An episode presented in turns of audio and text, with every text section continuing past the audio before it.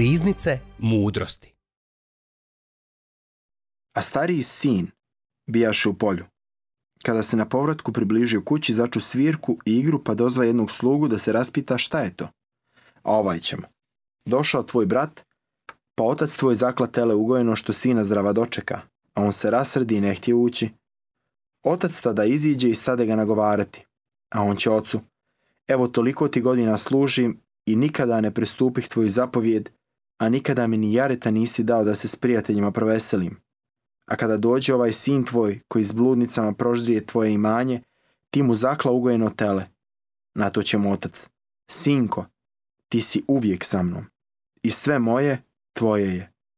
No trebalo se veseliti i radovati jer ovaj brat tvoj bijaše mrtav i oživje, izgubljen i nađe se. Dok sam u ermitažu satima, u tišini promatrao izgubljenog sina nisam ni na čas posumnjao da je čovjek koji stoji s desne strane podijuma na kojem otac grli svojega sina povratnika bio stariji sin. Način na koji on promatra taj veličanstveni doček ne ostavlja ni traga sumnje o tome koga je Rembrandt htio naslikati. Napisao sam mnogo bilježaka opisujući tog hladnog promatrača mrka pogleda i u njemu sam vidio sve što nam Isus govori o starijem sinu. Pa ipak, prispodoba jasno kaže da stariji sin još nije kod kuće kad otac prima svog izgubljenog sina – iskazuje mu svoje milosrđe. Što više, priča kazuje da je svečanost već u punom jeku kad se stari sin konačno vraća s polja. Iznenađen sam koliko mi je olako promaknula oprečnost između Rembrandtove slike i prispodobe i kako sam je jednostavno uzeo zdravo za gotovo da je Rembrandt htio naslikati oba brata u svojem prikazu izgubljenog sina.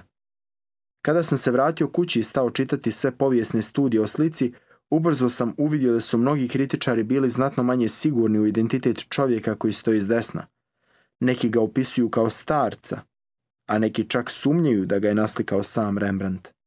Ali jednog dana, nakon više od godine dana od kako sam posjetio Ermitaž, moj prijatelj, Ivan Dier, s kojim sam često raspravljao o svojemu zanimanju za sliku izgubljenog sina, poslao mi je kopiju studije Barbare Heger o religioznom značenju Rembrandtova povratka izgubljenog sina.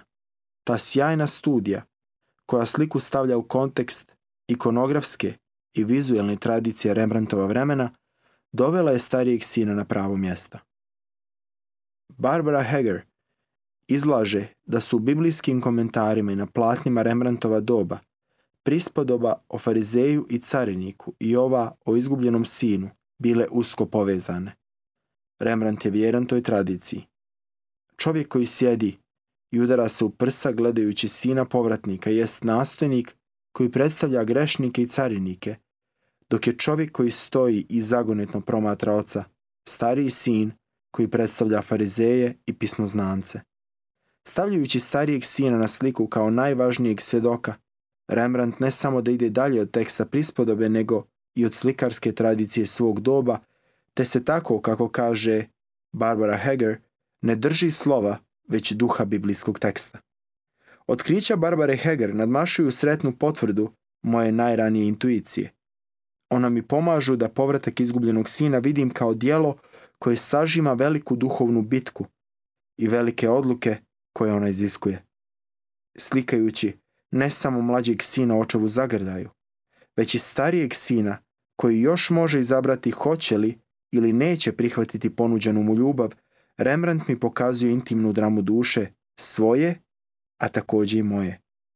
Kao što prispodoba o izgubljenom sinu otvara bitnu poruku evanđelja i poziva čitatelje da, suočivši se s njom, donesu svoju osobnu odluku, tako i Rembrandtova slika sažima njegovu vlastitu duhovnu borbu i poziva gledatelje da stvore osobnu odluku o svojim životima. Tako Rembrandtovi promatrači, Njegovu sliku čine dijelom koje gledatelja osobno obvezuje. Kada sam krajem 1983. prvi put vidio reprodukciju koja prikazuje središnji dio slike, odmah sam osjetio da sam osobno na nešto pozvan.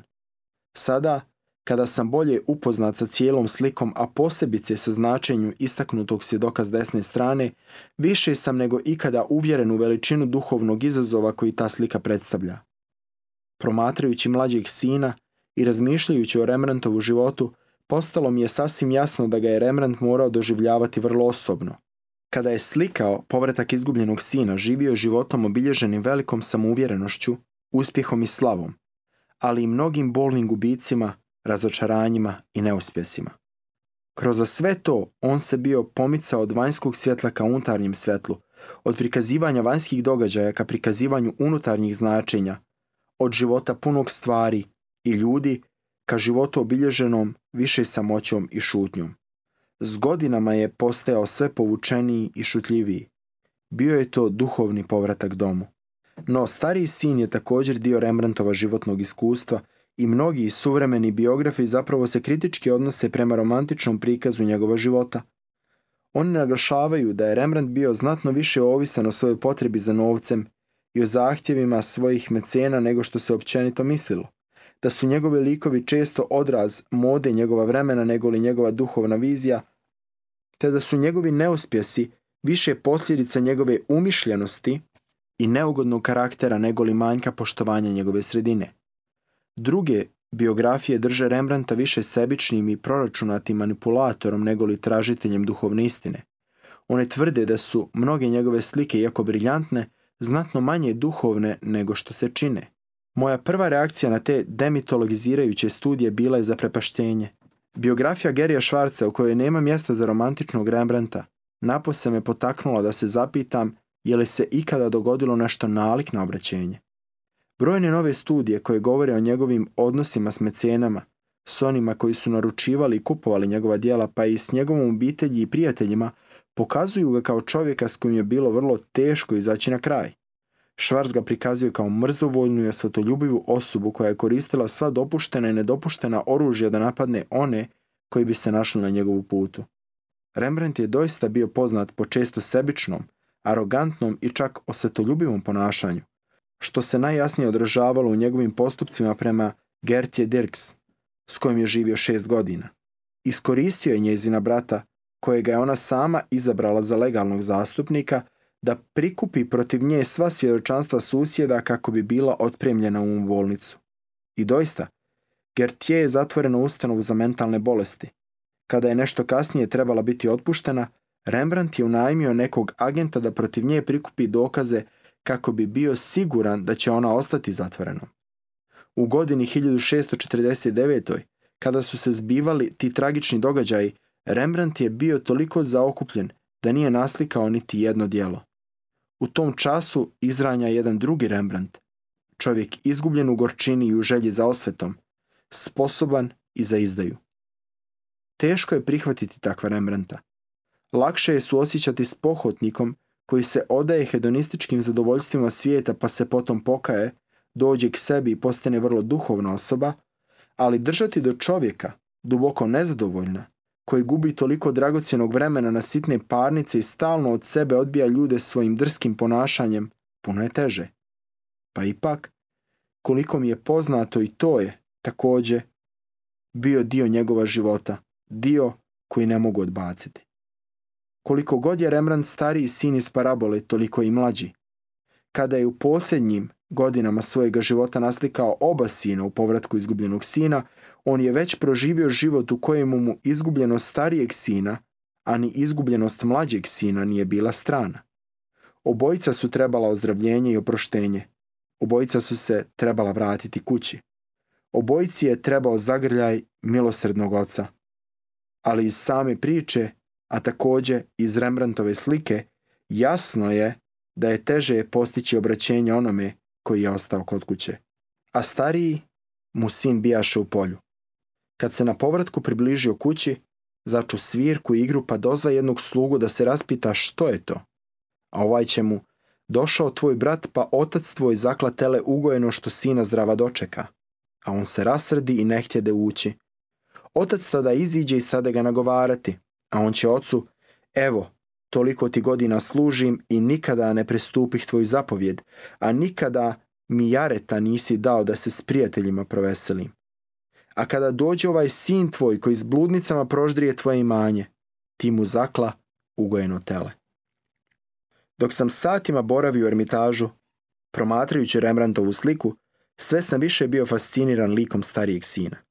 Sjećam se da sam ga dugo promatrao i pitao se što se sve odigravalo u glavi i u srcu tog čovjeka. On je, bez sumnje, glavni promatrač povratka mlađeg sina. U doba kada sam poznavao samo detalj slike na kojemu otac grli svojega izgubljenog sina, bilo je prilično lako shvatiti je kao privlačnu, potresnu i utješnu. Ali vidjevši cijelu sliku, ubrzo sam uvidio složenost ponovnog sastanka. Glavni promatrač koji gleda oca kako grli svojega sina povratnika čini se vrlo suzdržanim. On gleda oca, ali bez radosti. On ne pruža ruke niti se smiješi ili izražava neku dobrodošlicu. On jednostavno stoji tamo pokraj podija, očito bez želje da se popne na nj. Istina je da je povratak središnji dio slike, pa ipak on nije smješten u samo središte platna. Događa se na lijevoj strani slike, dok stariji sin, visoki mrk, dominira desnom stranom. Između oca i njegova starijeg sina veliki je otvoreni prostor koji ih dijeli, stvarajući tako napetost koja traži razrješenje. Sa starijim sinom na slici ja više ne mogu sentimentalizovati povratak.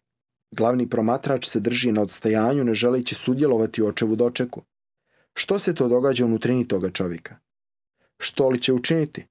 Hoće li prići i zagrliti svojega brata poput svojega oca ili otići s mržnjom i zgražanjem.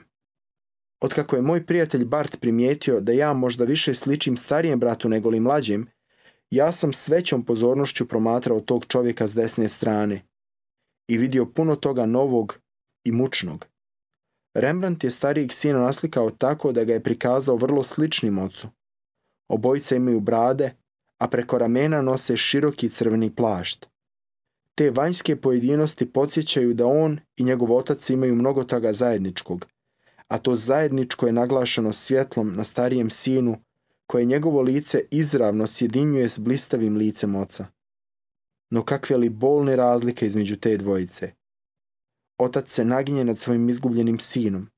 Stariji sin stoji nepopustljivo uspravan, a to držanje naglašava dugačak štap koji seže od njegove ruke do poda očevi ogrtač širom rastvoren za doček, sinovljev visi ravno ni tijelo. Očeve su ruke ispružene i dodiruju povratnika pokretom blagoslova. Sinovljeve su sklopljene i prislonjene uz grudi. Svjetlo je na oba lica, no svjetlo s očeva lica razlijeva se po čitavom njegovom tijelu, osobito po rukama i obavija mlađeg sina u divnu aureolu blještave topline dok je svjetlost na licu starijeg sina hladna i ne zrači. Njegov lik ostaje u tami, a njegove zatvorene ruke ostaju u sjeni. Prispodova koju je naslikao Rembrandt mogla bi se s pravom nazvati prispodoba o izgubljenim sinovima. Nije se izgubio samo mlađi sin koji je ostavio dom u potrazi za slobodom i srećom u tuđoj zemlji, nego je i onaj koji je ostao kod kuće također postao izgubljeni čovjek. Na je činio sve ono što se očekuje od dobrog sina, ali iznutra se udalju od svojega oca. On je izvršavao svoju dužnost, radio neumorno svaki dan i ispunjavao sve svoje obaveze. No postajao je sve nesretniji i neslobodniji. Teško mi je priznati da bi mi taj ogorčeni, mrzovoljni i srditi čovjek u duhovnom smislu mogao biti bliži od pohotnog mlađeg brata. Pa ipak, što više razmišljam o starijem sinu, to se više u njemu prepoznajem.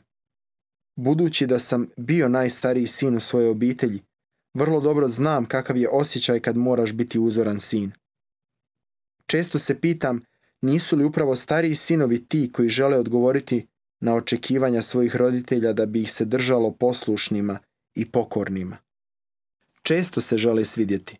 Često se boje da će razočarati svoje roditelje. Ali oni također često, i to prilično rano, iskuse izvjesnu zavist prema mlađoj braći i sestrama koji kao da su manje zaokupljeni time da se svide i slobodnije žive svoj život. To se u svakom slučaju odnosilo i na mene. Cijelog svog života skrivao sam čudno zanimanje za neposlušan život koji nisam imao odvažnosti živjeti, mada sam oko sebe gledao mnoge koji tako žive. U svemu sam bio besprijekoran, uglavnom se pokoravajući zahtjevima koji su mi postavljali moji roditeljski tipovi u mojemu životu. Profesori, duhovni vođe, biskupi i pape. No istodobno sam se često pitao zašto nemam hrabrosti pobjeći poput mlađeg sina. Čudno je to. No duboko u srcu upoznao sam osjećaj ljubomore prema tvrdoglavom sinu. Taj se osjećaj u meni javlja kad vidim svoje prijatelje kako se zabavljaju čineći toliko od toga što ja osuđujem. Njihovo sam ponašanje držao pokudnim, pa čak i nečudorednim. No istodobno sam se često pitao zašto nisam imao petlju da i sam učinim barem nešto od toga ili sve to. Poslušan i pokoran život, na koji sam ponosan i zbog kojeg me hvale. Kad kad mi se čini poput tereta stavljena na moja ramena što me stalno pritišće. Iako sam ga prihvatio u tolikoj mjeri da ga se više ne mogu riješiti, nije mi teško poistovjetiti se sa starijim sinom iz prispodobe koji se žalio, evo, toliko ti godina služim i nikad ne prestupih tvoju zapovjed, a nikada mi ni jareta nisi dao da se s prijateljima proveselim. U toj žalbi poslušnost i dužnost postale su teret, a služenje je postalo robovanje. Sve je to za mene postalo stvarnim kada mi je jedan od mojih prijatelja koji se nedavno obratio na kršćanstvo prigovorio da nisam baš previše pobožan. Njegova me je kritika jako razljutila. Rekao sam si, kako se on meni usuđuje držati lekciju o molitvi? Godinama je živio bezbrižno i nedisciplinirano dok sam ja od djetinjstva živio po vjeri. A sada kada se obratio, usuđuje mi se govoriti kako da se ponašam. Ta unutrašnja mržnja otkrila mi je moju vlastitu izgubljenost. Ja sam ostao kod kuće, nisam se skitao, ali ja još ipak nisam živio slobodnim životom u kući svojega oca. Moja sržba i ljubomora pokazale su mi moje vlastito robovanje. To se ne događa samo meni. Izgubljeni su mnogi stariji sinovi i starije kćeri iako su kod kuće, a takva izgubljenost praćena suđenjem i osuđivanjem, srđbom i nezadovoljstvom, gorčinom i zavišću, tako je pogubna i štetna za ljudsko srce. Često pomislimo na izgubljenost ukoliko su u pitanju vrlo vidljivi, čak i spektakularni čini. Mlađi sin je tako griješio da ga lako možemo identificirati. Njegova je izgubljenost sasvim očita. Zlorabio je svoj novac, svoje vrijeme, svoje prijatelje, pa čak i svoje tijelo. Sve što je činio bilo je krivo. Ne samo da su to znali njegova obitelj i prijatelje, već i on sam. Pobunio se protiv čudoređa i dopustio da ga ponesu vlastita pohlepa i požuda. U njegovu lošem ponašanju postoji nešto što se jasno može definirati. Kada je vidio da ga je njegovo tvrdoglavo ponašanje dovelo ni do čega drugog do libijede, mlađi sin je došao k sebi, obratio se i zamolio za oproštenje. Pred nama je klasični ljudski pad s jednostavnim rješenjem. Lako ga je razumjeti i s njime suosjećati. Izgubljeno starijeg sina, međutim puno je teže uočiti. Uostalom, on je u svemu dobro postupao. Bio je poslušan, pokoran, vjeran zakonu i postojan u radu. Ljudi su ga poštovali, divili mu se, hvalili ga i vjerovatno ga smatrali uzornim sinom. Gledajući izvana stariji sin je bio besprikoren. no kada se suočava s očevom radošću zbog povratka mlađeg sina, u njemu bukne izbije na površinu neka mračna sila. Odjednom se razotkrila ljutnja, ohola, neljubazna, sebična osoba. Do tada duboko skrivena, iako je tijekom godina postojala sve jačom i sve moćnijom.